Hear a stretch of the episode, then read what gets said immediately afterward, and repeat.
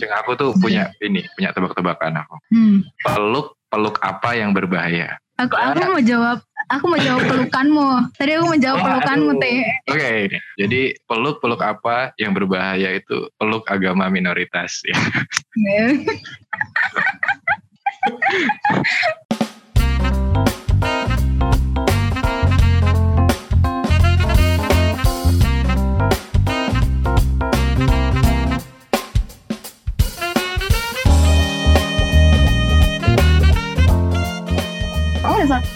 Udah dong. Ada. Yuk kita mulai ya teh. Ya. Halo Ya. semuanya, selamat datang di podcast Suara Minoritas. Ini episode pertama kita. Sebelumnya kita kenalan dulu ya. Aku Osti.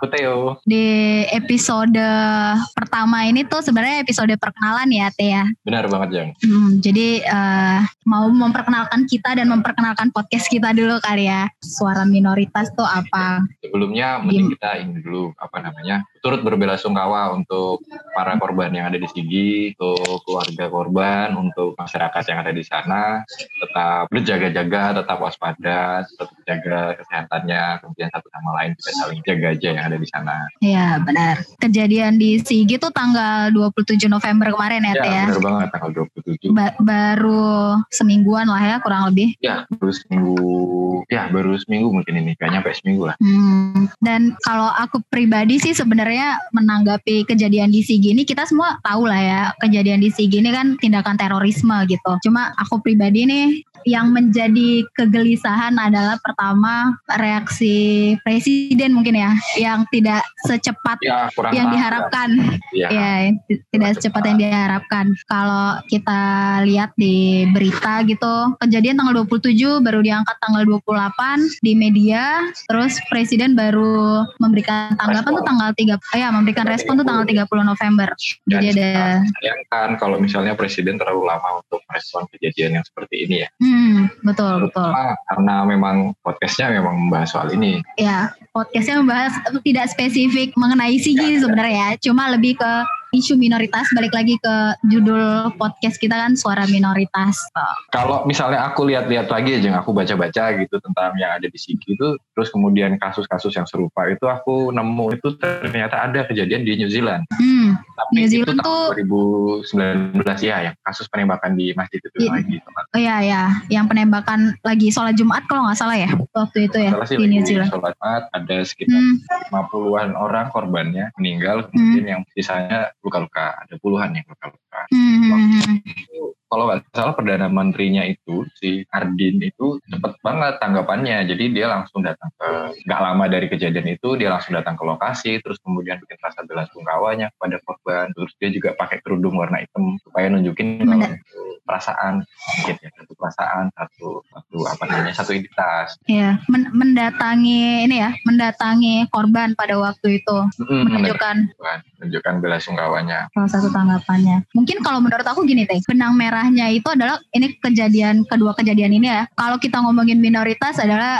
korbannya itu adalah kaum minoritas di tempatnya masing-masing ya. Kalau kita dari skala negara mungkin ya. Jadi kalau kita sama-sama tahu di Sigi itu kan spesifik menyerang bukan menyerang maksudnya yang yang dibakar itu kan eh, yang dirusak adalah rumah yang pernah yang dijadikan tempat apa ibadah ya Sering digunakan untuk beribadah. gitu dan di New Zealand yang di yang ada aksi teror itu juga langsung di masjid ya yang mana di sana secara secara kita kalau ngomongin minoritas berarti secara jumlah gitu ya sesuatu terhadap suatu populasi suatu identitas terhadap suatu populasi yang jumlahnya minoritas itu berarti sedikit lebih kecil gitu ya. Lalu kemarin ini kalau nggak salah men- menindaklanjuti dari kasus-kasus teror serupa di New Zealand sana, pemerintah di sana itu perdana menterinya ya khususnya ya, dia itu Hmm. meluncurkan suatu seragam kepolisian yang menggunakan kerudung untuk wanita. Jadi di sana Hmm. sebelumnya sih memang udah diajuin di tahun 2018 ya, kemudian komitmen itu ditunjukin untuk apa nah menunjukkan bahwa pemerintah New Zealand itu ternyata berkomitmen untuk menunjukkan pelayanan negara yang bersifat inklusif untuk melayani kepentingan masyarakat apalagi di Hmm. Indonesia ya harusnya kan kita udah selesai soal kayak gitu. Harapannya seperti itu ya? Ya karena Indonesia kan dari dulu masyarakatnya udah wah beragam banget. Dari sejak negara ini didirikan kan ya dari Sabang sampai Merauke itu banyak banget suku banyak banget rasnya banyak banget kepercayaan yang dianut oleh masyarakatnya harusnya kita harusnya udah lebih maju sih dari untuk masalah-masalah kayak gitu hmm. harapannya harapannya semuanya harapan harapan kita semua ya itu inilah rumit cerita tentang apa namanya ya masyarakat yang ada di sana dan harapan kita sebagai warga negara untuk berhak merasa aman untuk tinggal. Paling nggak rasa aman dulu deh untuk tinggal di sebuah negara gitu. Kalau nyaman ya nanti kita cari nyamannya masing-masing. Tapi aku sepakat di situ sih Teh. Kalau yang masalah merasa aman ya, harusnya kita sebagai warga negara terlepas identitas kita apa gitu kan, harusnya negara bisa memberikan rasa aman gitu. Kalau melanjutkan dari situ aku kalau aku pengen eh, kalau bisa sharing gitu ya kebetulan nih dari lahir kan dari lahir oh, ya dari iya. kecil sampai dari kecil sampai sekarang aku memasuki komunitas-komunitas tertentu yang mau nggak mau aku tuh jadi minoritas gitu. Dan kembali kembali ke rasa aman itu sebenarnya uh, jujur aja nih ini dari perspektifku dan sudut pandang dan dan pengalamanku sebenarnya Tadi adalah kamu merasa jadi hmm. minoritas itu karena apa dulu jeng? Kamu oh ya merasa minoritas ya ya ya ya jadi sebenarnya gini ya aku tuh baru baru paham bahwa aku minoritas tuh justru waktu aku SMP kan SMP tuh aku masuk sekolah aku masuk sekolah negeri sebelumnya aku sekolah di sekolah Katolik kan aku nggak oh, nggak ngerti SD, konsep. Eh SD ya SD aku sekolah Katolik SD, jadi aku nggak oh ini kamu Katolik ya? Aku Katolik terus okay. ya aku Katolik. Aku tinggal di Sumatera Utara di salah satu kota kecil di Sumatera Utara. Sebenarnya kota-kota tempat aku tinggal itu tuh cukup beragam ya. Mus ada Melayu Batak terus Padang Jawa itu nyampur sebenarnya. Di daerahmu? Ya di daerahku.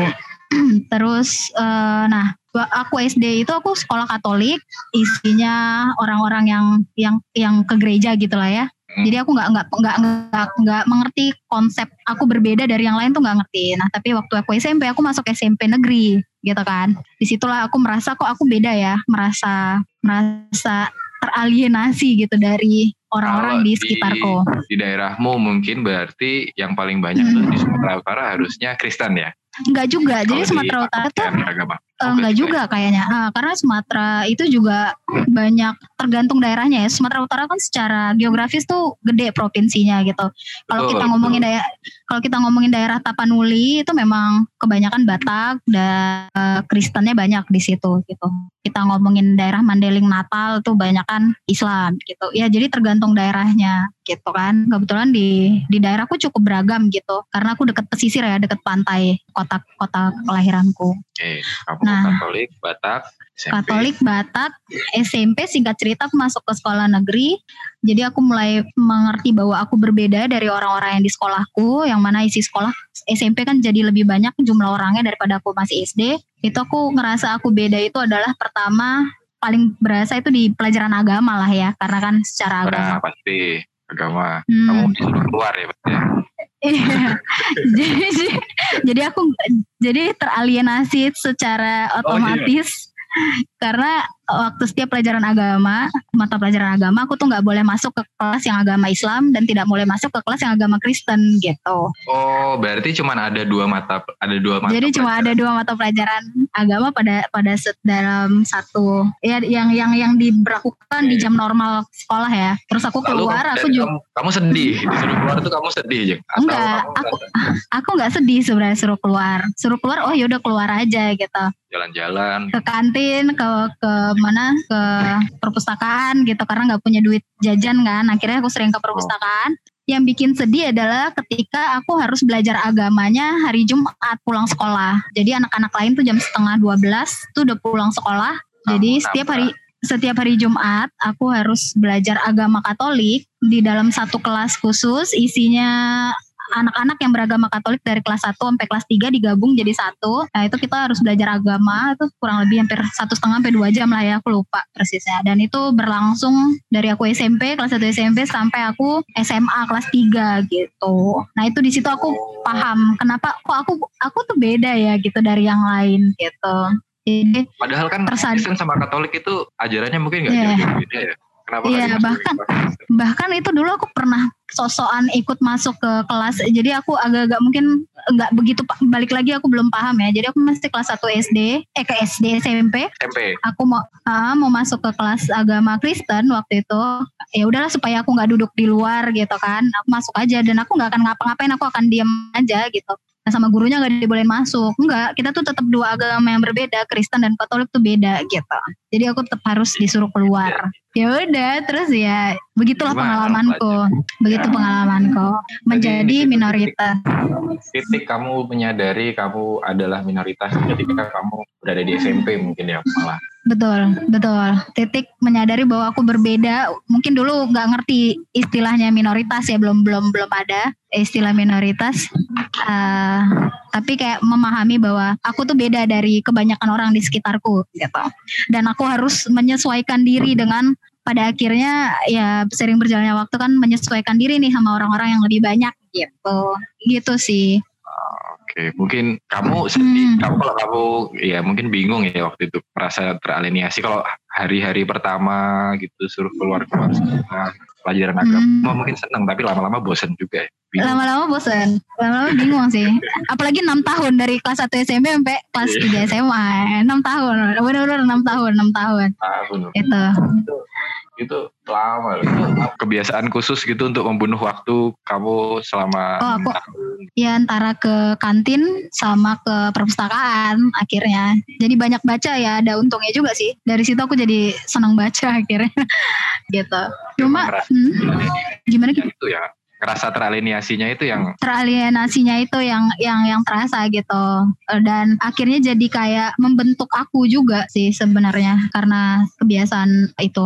Karena ngomongin tentang pengalaman jadi minoritas gitu ya itu kan pengalaman menyadari bahwa aku adalah seorang minoritas gitu. Pada pada pada perjalanannya gitu kan balik lagi kalau kayak pergaulan di sekolah dengan teman-teman gitu kan teman-teman yang yang mayoritas berbeda dari aku di situ kan aku harus adjustment lagi ya. Apa namanya menye- menyesuaikan diri gitu. Ada ada kondisi ada kondisi-kondisi yang yang aku harus sesuaikan gitu. Paling paling aku kaget dulu itu eh balik lagi pengalamannya sebenarnya paling mengejutkannya SMP karena beda banget dari aku sekolah Katolik ke sekolah negeri waktu itu dari luar negeri ya dari mayoritas jadi minoritas gitu kan jadi teh minoritas bener bedanya adalah pada suatu waktu udah SMP kelas 2 kalau nggak salah ya Pak. Mulai lagi eh, kelas 1 atau kelas 2 mulai cari-cari teman lah ya. Kan tuh proses mencari teman segeng kurang lebih tanda kutip ya kan. senasib senasib Enggak, sebenarnya cari temen Enggak juga geng, ya? temen Oh, temen geng. main, temen main, nyari temen main kan, Oke, yang yang yang yang nyambung, temen nongkrong gitu. Nah, aku tuh ada satu temenku, aku ingat banget sampai sekarang bahkan namanya aku ingat. Dia itu tidak mau main ke rumahku dan tidak memperbolehkan aku main ke rumahnya. Dan secara terbuka dia ngomong alasannya gitu. Alasannya adalah karena aku Katolik, jadi dia nggak boleh main ke rumahku. Karena kalau dia main ke rumahku, nanti aku sediain makanan atau minuman yang yang khusus? yang ya yang yang dia nggak boleh lah gitu kan. Oh. tapi waktu itu sa- sangat sangat terang-terangan sih dia. Tapi waktu itu dia bilang aku tuh nggak boleh main ke rumahmu karena piring nanti kamu nyediain makanan atau minuman tuh Ah, bekas babi. Nah secara terus aku juga nggak boleh main ke rumah dia atau ah, aku boleh main ke rumah dia tapi aku nggak boleh pipis di toiletnya.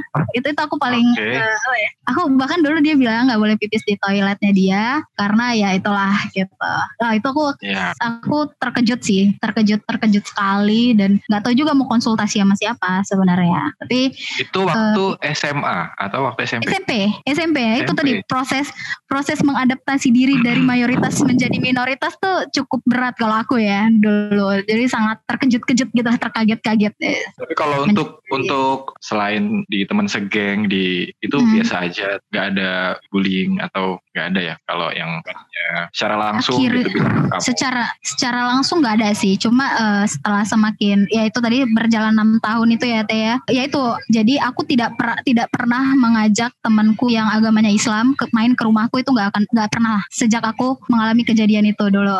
Sampai aku lulus SMA itu nggak pernah ada temanku yang agamanya Islam main ke rumahku. Dan aku nggak pernah ngajakin juga.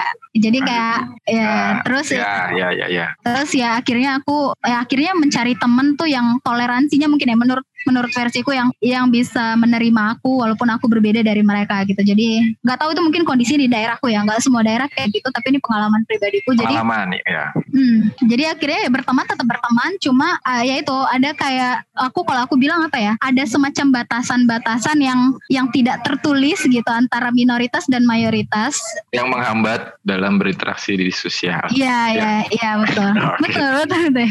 Itu itu pengalamanku ya. Itu itu pengalamanku. Jadi nggak pernah tertulis gitu, tidak pernah tertulis bahwa yang agamanya Islam tidak boleh main ke yang agamanya Kristen, ke rumah agama Kristen tuh nggak pernah tertulis gitu. Tapi setelah aku kemudian SMA atau ketemu teman-teman baru, hmm, aku tahu ada batasan-batasan itu gitu.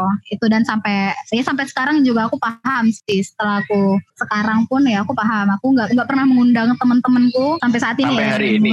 Sampai hari ini aku ya sampai hari ini aku jadi kayak karena aku nggak berani gitu daripada aku mungkin sakit hati Iya. mengalami penolakan gitu kan. Oh karena pengalaman itu tadi pengalaman dari awal itu tadi ya sampai sekarang aku nggak pernah mengundang orang yang itu yang Tapi yang yang Mm, kecuali dia mau datang ya kayak aku main ya ke rumahmu oh ya udah silahkan gitu kalau aku kamu gimana teh ya sama, ya kurang lebih sama. Dulu kan aku Katolik ya. Jadi Hmm, oh ya ketika sekarang kamu udah udah nggak katolik ya teh ya sekarang aku mualaf, kebetulan aku mualaf.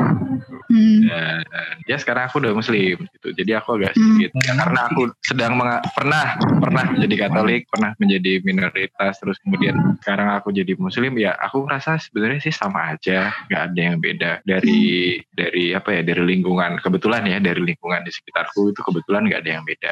Ya pembeda yang mungkin malah terjadi malah ada di lingkungan-lingkungan terdekat karena ya ya agree to disagree lah untuk keputusan yang sifatnya spiritual. Personal eh, spiritual dan personal sekali ya. internal mungkin harus harus ini ya memiliki persetujuan dari apa lingkungan terdekat kayak gitu. Tapi kalau Hmm, untuk dari lingkungan. pertemanan ya itu biasa aja sebenarnya nggak ada yang berubah sih. Kecuali waktu dari kuli dari SMP ke eh dari SMA ke kuliah itu beda banget sih. Aku SM, Hmm. SD aku pindah-pindah jeng jadi ya sempet di SD Katolik sempet di SD negeri dua-duanya gitu bolak-balik pindah-pindah gitu nggak ada nggak ada nggak ngerasa apa apa aku nggak merasa aku minoritas bahkan Hmm, aku nggak ngerasa beda gitu. nggak nggak ngerasa beda ya Ya, jadi waktu kalau kalau kamu kan mungkin ada trigger khusus karena ada temanmu yang secara terang-terangan tuh bilang ke kamu kalau misalnya Hmm. oh kayak gitu. Kalau aku ya enggak, aku seneng aja keluar kelas gitu. Ya nggak belajar nggak nggak agama nggak ikut belajar agama seneng ya teh senang. Ya, kebetulan aku seneng sih waktu itu. Jadi karena jam penggantinya pun itu hari Minggu. Jadi setelah gereja ada sekolah Hmm. Minggu, terus kemudian belajarnya ya waktu di sekolah Minggu itu. hmm. Kayak gitu. Jadi Hmm. jadi apa ya? Jadi hal yang wajib mungkin. Jadi datang ke gereja setiap hari Minggu untuk anak kecil waktu itu di lingkunganku. Ya, Terus aku SD selesai terus aku SMP, SMP aku di Katolik, aku masuk asrama waktu itu. oh Kemudian ya di situ aku termasuk minoritas karena Jawa di Lampung, Jawa di Lampung oh oke kamu dari dari suku ya dari suku. Itu aku Hmm. ngerasanya sebenarnya ada di suku karena Jawa sedikit kalau di Lampung yang Katolik dan masuk sekolah Katolik itu jumlahnya dikit. Dan kita kelihatan karena hitam kan kulitnya beda. Ya rasial kayak Oh, di berarti kayak di kayak di US ya. Ya, jadi lalu SMA aku dua SMA-nya satu waktu itu aku masuk seminari kelas 1 di situ ya Hmm. jelas Katolik kan. Jadi ya udah nggak ada masalah. Yang jadi permasalahan di sana cowok semua. Jadi ya ya udahlah ya. Terus ya baik ya, namanya juga seminari ya saya juga seminari lalu aku pindah ke sekolah swasta Katolik lagi itu di Bandar Lampung hmm. kalau di situ jadi secara segi minoritas atau enggak sih aku nggak ngerasa oh ada ada ada satu ada satu ada satu kejadian lucu ini sebenarnya waktu itu di Hmm. kelasku itu kalau nggak salah yang eh, Jawa atau Bali Jawa dan Bali ya kalau nggak salah. Itu cuman ada sekitar lima orang. Jadi yang lainnya Chinese semua. Jadi ya Oh, ya jadi kalau di kelas tuh ya aku paling kelihatan. Kalau teman-temanku tuh Jawa tapi kulitnya masih putih. Aku Jawa hitam banget. Jawa coklat Jawa coklat. kalau kalau foto kelas gitu mending aku yang moto karena nanti takutnya aku jadi jadi kelihatan jadi paling kelihatan. Hmm. itu ada kendala sih kayak aku aku ngerasain waktu itu ada kendala kayak oh ini Jawa gitu oh ini Jawa gitu. Sampai pada akhirnya itu jadi permasalahan di kelas. Aku sama teman-teman yang Jawa itu kita duduk sebangku terus jadi oh jadi membuat kelompok area sendiri ya? Ah, jadi membuat area sendiri dan itu paling pojok paling belakang paling kiri jadi paling enggak bukan kiri yang lain ya maksudnya ya. Maksudnya yeah. paling pojok paling belakang kiri. Itu waktu itu guru BK aku ngelihat masalah ini kebetulan. Dia kebetulan Oh, cukup sensitif lah soal ini. Lalu hmm. dicoba bikin kegiatan yang mirip ada di film Freedom Writer judulnya. Wih, apa? Apa judulnya? Freedom Writer. Freedom Writer. Freedom. Oh, Freedom Writer. Ya, judulnya Freedom Writer. Jadi di situ tuh ya mirip sampai pada akhirnya sama dia diputerin filmnya di ruang multimedia waktu itu. Nah, di ruang multimedia itu magic happen. Jadi, ayo udahlah gitu. Aku ngerasa, ayo udahlah sama aja. Terus aku akhirnya maju duduk di deket apa tiduran di deket TV Hmm. gitu. Terus pada akhirnya yang lainnya pun ikutan tiduran di deket TV akhirnya kita ngumpul bareng waktu itu. Jadi kelas yang Oh. ini setelahnya sih. Itu kelas dua itu. Oh, juga SMA oh, itu kalau ras ya kalau ras dari segi ras. Kalau dari sisi agama berarti itu kerasa sih waktu kuliah. Bahkan aku kan nggak kurang paham ya waktu itu. Term Hmm. dari minoritas itu aku kurang paham. Itu apa sih term dari minoritas itu? Aku nggak kurang Hmm.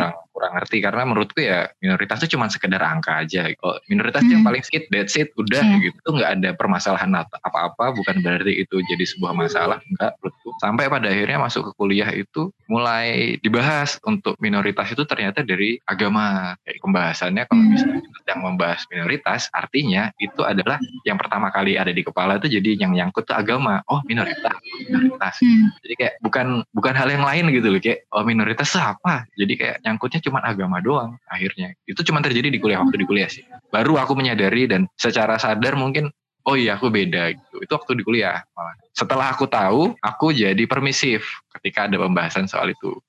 Permisif gimana ya jadi jadi yang awalnya mungkin ingin ikut-ikutan ya seru-seruan di kelompok gitu. Terus jadi kalau ketika udah mulai bahas itu ya jadi oh ya gitu. oh ya jadi kayak oh ya ya ya ya mau kayak gimana lagi aku tahu aku jumlahnya sedikit jadi jat- jatuhnya kan jadi kayak gitu kan ngerasa apa ya secara mental mungkin jadi rasa terrepresi mungkin Iya benar-benar.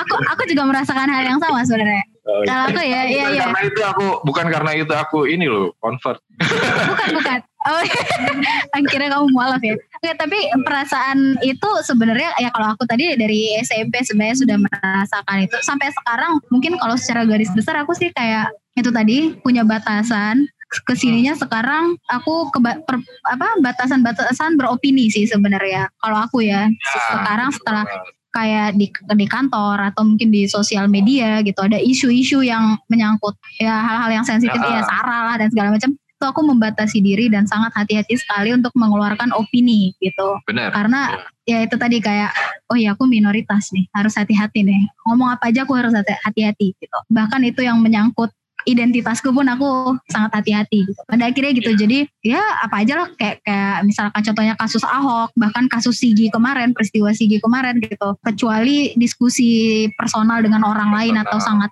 ya itu aku bisa mengeluarkan opini-opiniku gitu. Tapi kalau kayak di kantor di ruang atau- publik itu mungkin nggak bisa ya, ya. atau di ruang publik eh, aku nggak berani gitu karena eh, sangat sensitif gitu. ya takut Eh, takut kayak padahal- dipahami Ya ta- takutnya itu sih takut penerimaan orang tuh beda gitu. Ya gitulah. Padahal sebenarnya menurutku apa pun identitas kita kan kita harusnya punya hak yang sama untuk menyampaikan opini, pendapat gitu kan. dapat Balik lagi padahal tadi kayak berseberangan keyakinan ya bukan betul, bukan berseberangan Betul. hal yang benar dan salah gitu. Eh, betul bukan masalah benar dan Bukan salah hal yang- harusnya.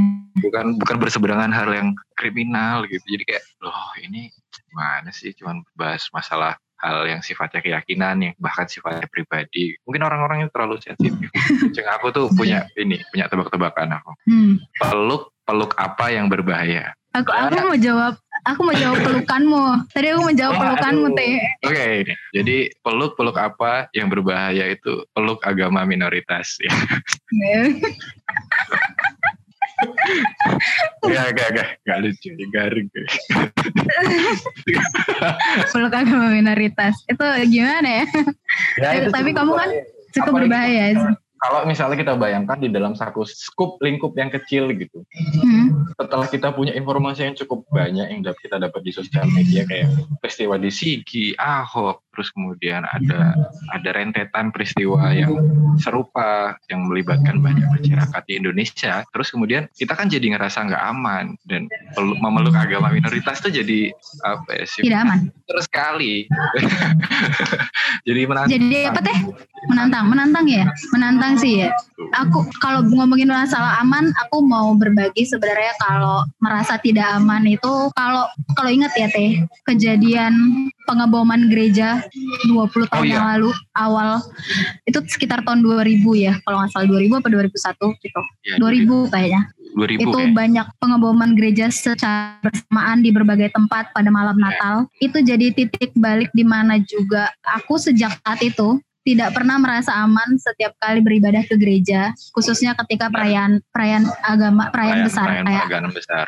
Rangkaian malam Natal. Natal kan sebenarnya ada malam Natal dan Natal. Kayak Pasca juga ada 3-4 hari itu berturut-turut ke gereja dan jumlah orangnya banyak. Karena aku ingat banget sejak kejadian itu setiap kali ada perayaan perayaan-perayaan agama itu tadi perayaan besar di gereja, semua umat sejak saat itulah ada polisi berjaga-jaga bukan cuma di di gerbang gereja, di pintu gereja, bahkan setiap aku ingat banget dulu setiap umat yang mau masuk ke dalam halaman gereja itu tasnya harus selalu diperiksa, tidak boleh bawa tas besar dan itu berlangsung sampai ya sampai tahun lalu lah ya, sampai terakhir kali ke gereja Ya. tuh masih ya dan tuh aku aku ingat banget bahkan aku pernah waktu itu gereja di katedral Jakarta eh, di depanku ada bapak-bapak aku ingat misa sore ya mungkin dia baru pulang kerja kali ya dia bawa tas gede gitu kan dan sepanjang misa itu aku nggak aku merasa tidak nyaman gitu jadi Ya, oke. rasa rasa tidak aman itu berubah jadi mencurigai gitu mungkin ya ya rasanya kayak gitu ternyata kita apa ya bukan Ya.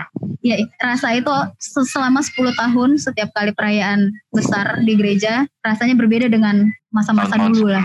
Hmm. Ya. Ya, memang ceria ya jadi ceriaannya berbeda keceriaannya udah jadi kayak uh, ada was-wasnya. Kita harus merasa merasa bahagia Betul. tapi harus was-was juga. wah wah di, diawasi gitu kan Harapannya sih mungkin itu akan segera ya udahlah itu udah selesai untuk yang seperti ini ya. harapannya gitu sih harusnya perasaan itu tidak perlu ada sebenarnya Ya. harusnya Benar banget, benar banget itu. Ya itu kalau nggak salah ada Gitu. filmnya juga itu Jung. yang meranin iya? kalau nggak salah Reza Rahardian kayaknya sih Reza Rahardian. Kayaknya oh zaman belum pernah nonton zaman film-film Indonesia lah rame-ramenya itu Reza Rahardian kan rame job terus semua film Reza Rahardian.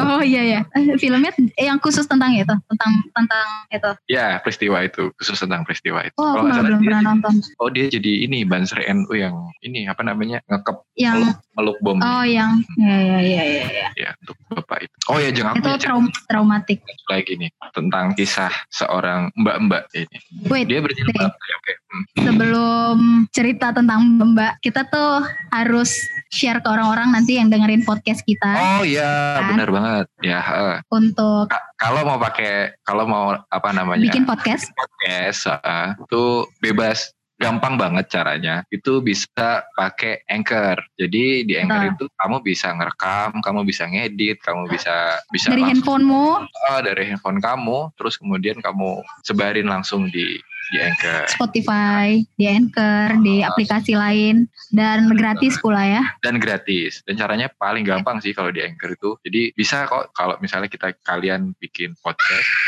di rumah bareng teman-teman atau bareng komunitas-komunitas kamu terus kemudian kamu bikin mau ngangkat topik-topik tertentu yang mungkin agak sedikit asing. Kayak Yang- UFO yang- kan asing ya. Eh, budaya Korea kayak alien, kan asing ya. Alien, alien. Alienasi atau sharing kegelisahan atau sharing kegelisahan kayak kita sekarang ya. ya Kayak kita kayak kegelisahan semuanya bisa dari Anchor ya kan.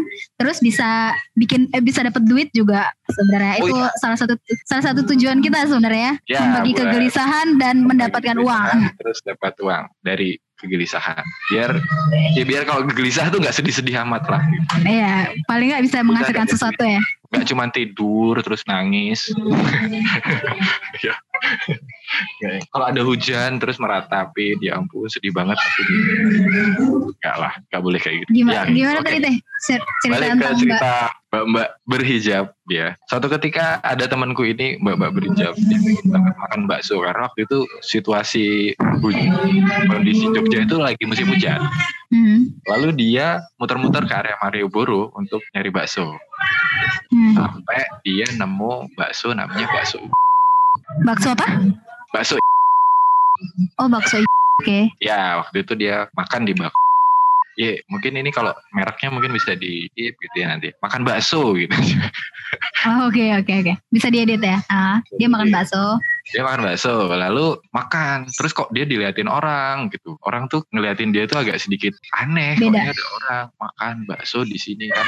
Tempatnya tuh agak sedikit Hmm. tertutup kok di apa namanya kayak ruko gitu. Hmm. terus dia pulang akhirnya. Setelah makan kenyang makan baksonya enak gitu kan. Dia seneng waktu itu baksonya sempat diposting di media sosial kalau nggak salah. Jadi aku tahunya juga dari story Instagram. Jadi waktu itu dia makan bakso lalu kemudian ngetek tempatnya. Ketika aku langsung DM dong. Wah ada kemajuan nih kamu akhirnya gitu maksudku ada kemajuan untuk mencoba hal-hal yang baru gitu. karena bakso itu itu adalah bakso babi dia Oh oke. nggak tahu dia nggak tahu lucu lucu nggak sih nggak ya, ya,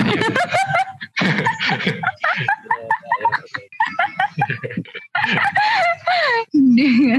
Tapi Gitu, gitu. oke. Ya, itu pengalaman lucu. Sih. Kalau di Lapo belum nemu aku Lapo Eh, rumah Or- makan. Batak ya. belum nemu belum nemu ceritanya. Hmm. apa ya? Hmm, oh ada satu jeng. Di Lapo ada satu. Jadi waktu itu waktu aku masih kuliah itu Hmm. aku capek kan kuliah. Terus aku makan ke Lapo di Jogja satu satu ada Lapo besar di Jogja makan. Terus playlistnya Nisa Sabian. Oh. ah itu lucu, lucu banget. Aku kaget. Lah ini oh ini mungkin YouTube ke next gitu. Oh enggak ternyata ini satu album. Aku kaget Nisa Sabian ya. Tapi sebenarnya nggak ada masalah kan sebenarnya. Harusnya Nggak ada eh nggak nggak nggak ada masalah kan? Aku, Mestinya. aku tuh aku tuh tahu itu Nisa Sabian karena lagi makan ini lagunya siapa ya kok bagus gitu suaranya nggak biasanya gitu kan beda Terus sama di lapo-lapo yang lain kan gitu terus aku Eh. lihat dong monitornya itu aplikasi. Oh monitor. lihat di monitornya ada dia nampilin layarnya gitu ah iya ini keberagaman aku gitu ya mulai dari sinilah gitu Mulai dari situ. Ya Se- se- dari sebenarnya sebenarnya nggak ada masalah juga ya sebagai pe- eh, seba- ka- kalau aku sih ya cuma cuma agak aneh aja ya. kayak agak aneh Tapi- itu juga nggak ngebuat dagingnya jadi halal juga enggak gitu. Oh iya, ya. oh Untung enggak, kamu yang ngomong. Kok Iya, untung aku kamu yang yang ngomong loh. aku yang ngomong aku aku Bukan aku yang ngomong. Balik lagi. ya. Kamu nggak apa-apa. Balik lagi batasanku sebagai minoritas. ya oke Jadi ya itu tadi sebenarnya poinku juga itu sebenarnya mau bercanda pun aku harus hati-hati. minoritas. Bikin Tapi jokes aku- juga harus hati-hati. tapi aku mulai harus menyampaikan ke kamu dan, ke teman lain gitu ya Hmm. Eh, karena aku sendiri yang melewati dua-duanya dan itu ada perbedaan. Bahkan dan Hmm. ketika itu adalah sebuah jokes menurutku ya itu sebuah jokes gak ada yang personal. Hmm. karena keyakinan kamu itu ya ketika kamu lagi sama lagi, sama Tuhannya aja gitu bukan karena kamu sedang bermasyarakat ya kan? Harusnya sih seperti itu. Menurutku ya tapi ya ya lagi. Jadi kalau kamu mau bikin joke gitu personal aja sama aku Personal aja. Nggak apa-apa. gak apa-apa Eh, weh. gak apa-apa aja Pokoknya aku nggak nggak rame-rame ya. gak rame-rame Di ruang di ruang publik masih masih ini lah, masih apa namanya? Kalau aku sih masih sampai sekarang sampai saat ini sampai detik ini nggak berani. ya nanti pelan-pelan pelan-pelan sampai akhirnya kamu Jokes terus- adalah jokes ya. ya jokes adalah jokes Harusnya sih gitu.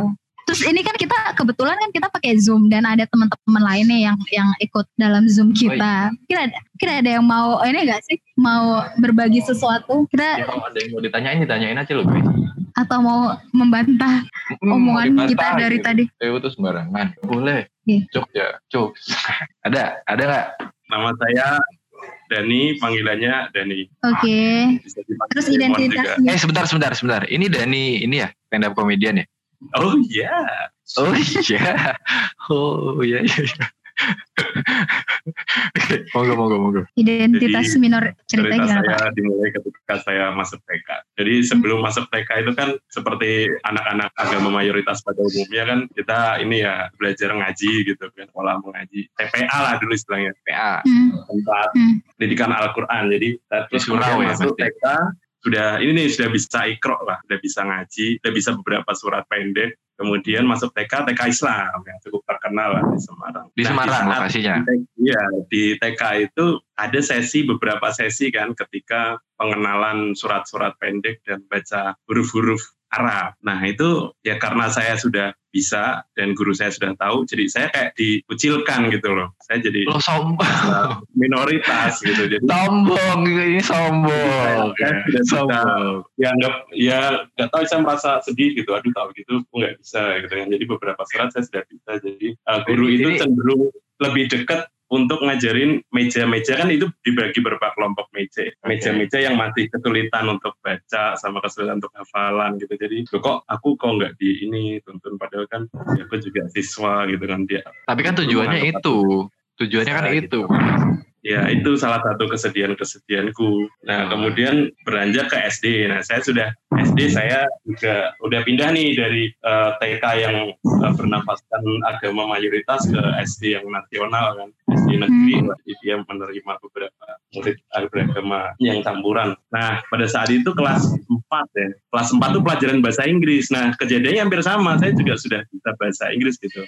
Nah, nah ketika itu juga em, boleh ditimpali nih sambil timpali nanti kalau nggak ditimpali rawan diikat soalnya ini Sebentar, sebentar, sebentar. Ini Enggak, ini enggak. mau nyombong, ini mau nyombong, ini mau nyombong Oh, enggak, kepanjangan tapi apa ini, ini gimana? saya coba menyajikan kontra kontradiksi dari sisi yang Boleh, lain boleh. gitu loh.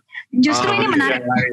Justru Tapi- ini menarik. Tapi kan Eh, ketika pelajaran bahasa Inggris, Hmm, saya hmm, itu bertanya, sering bertanya ke guru yang advance, maksudnya sudah bukan red, merah gitu kan, hmm, sama Ya. road gitu. Tapi hmm. saya mempertanyakan waktu itu ada film kartun Hercules ya, Hercules. ya ada. Itu saya mempertanyakan istilah-istilah di film Hercules, kemudian saya mempertanyakan tentang apa sih centaur Ya. itu apa pak? Centaur, gitu kan? Kan Centaur, ada itu ya. manusia berkaki kuda. Manusia Biasanya ber- saya tuh kaki kuda. tahu gitu, terus saya tuh merasa dianggap nih anak nih kelainan ya mungkin kayak gitu ya. Kemudian Oke, sampai menarik. Ada satu kemarahan eh, guru itu ketika ini guru lain nih selain bahasa Inggris, saya itu mempertanyakan tentang aborsi. Hmm. Nah itu Oh. Waduh, saya tiba-tiba dihukum itu. Gak tahu loh, kenapa dimarahin Itu- ya saya mikirin. Itu na- nanya dalam konteks apa itu waktu itu kira? Masih inget gak? Saya lupa ya, kayaknya konteks IPA kayaknya. Pelajaran di eh, IPA.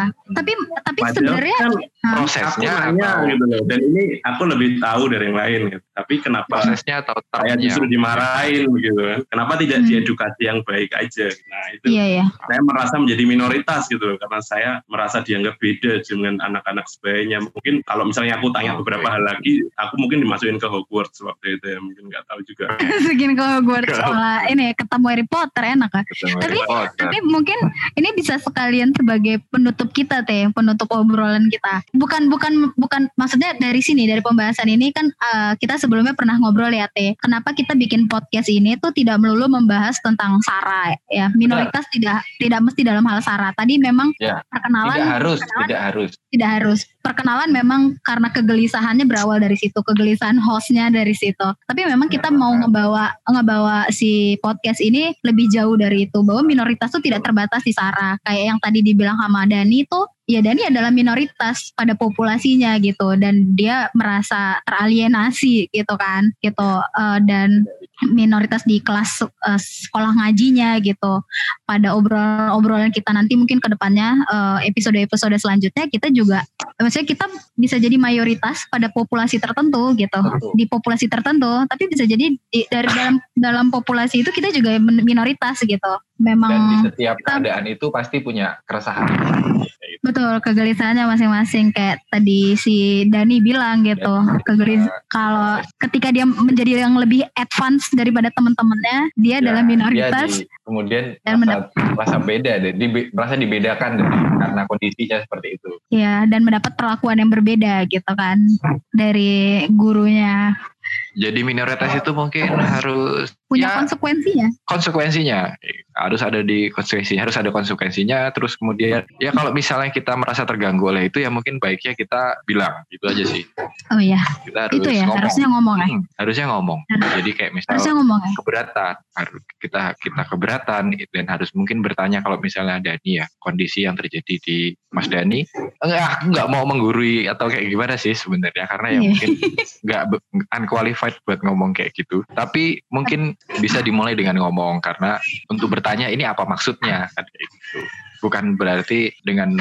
pintar kemudian harus di nomor dua kan atau mungkin yang kurang adalah pemahaman gurunya mungkin ketika itu untuk memberitahu ke Dani Dani kamu tuh udah lebih pintar daripada yang lain Mungkin mungkin di episode berikutnya kita harus men- men- mendatangkan narasumber yang kayak Dani nih ya. Ya. Orang-orang pinter, orang-orang pinter di, di di komunitasnya ya. Mungkin orang-orang dengan IQ lebih tinggi di komunitasnya gitu. benar kayak Pengalaman. Kayak ya Iya ya. Pengalaman Elizabeth gimana Mormon gitu. gimana jadi Pengal- main catur yang paling pintar Ah, kan iya ya. Atau jadi perempuan satu atau eh, jadi perempuan jadi perempuan di antara pemain catur laki-laki mungkin ya. Ya, Ya. karena memang podcast kita adalah suara minoritas ya. Mm-mm. atau sebaliknya gitu laki-laki di tengah-tengah perempuan kayak gitu Ki- Ah, ya. bisa aja kita, kita kita akan hadirkan orang-orang kayak gitu oh satu lagi cerita lucu nih Jeng.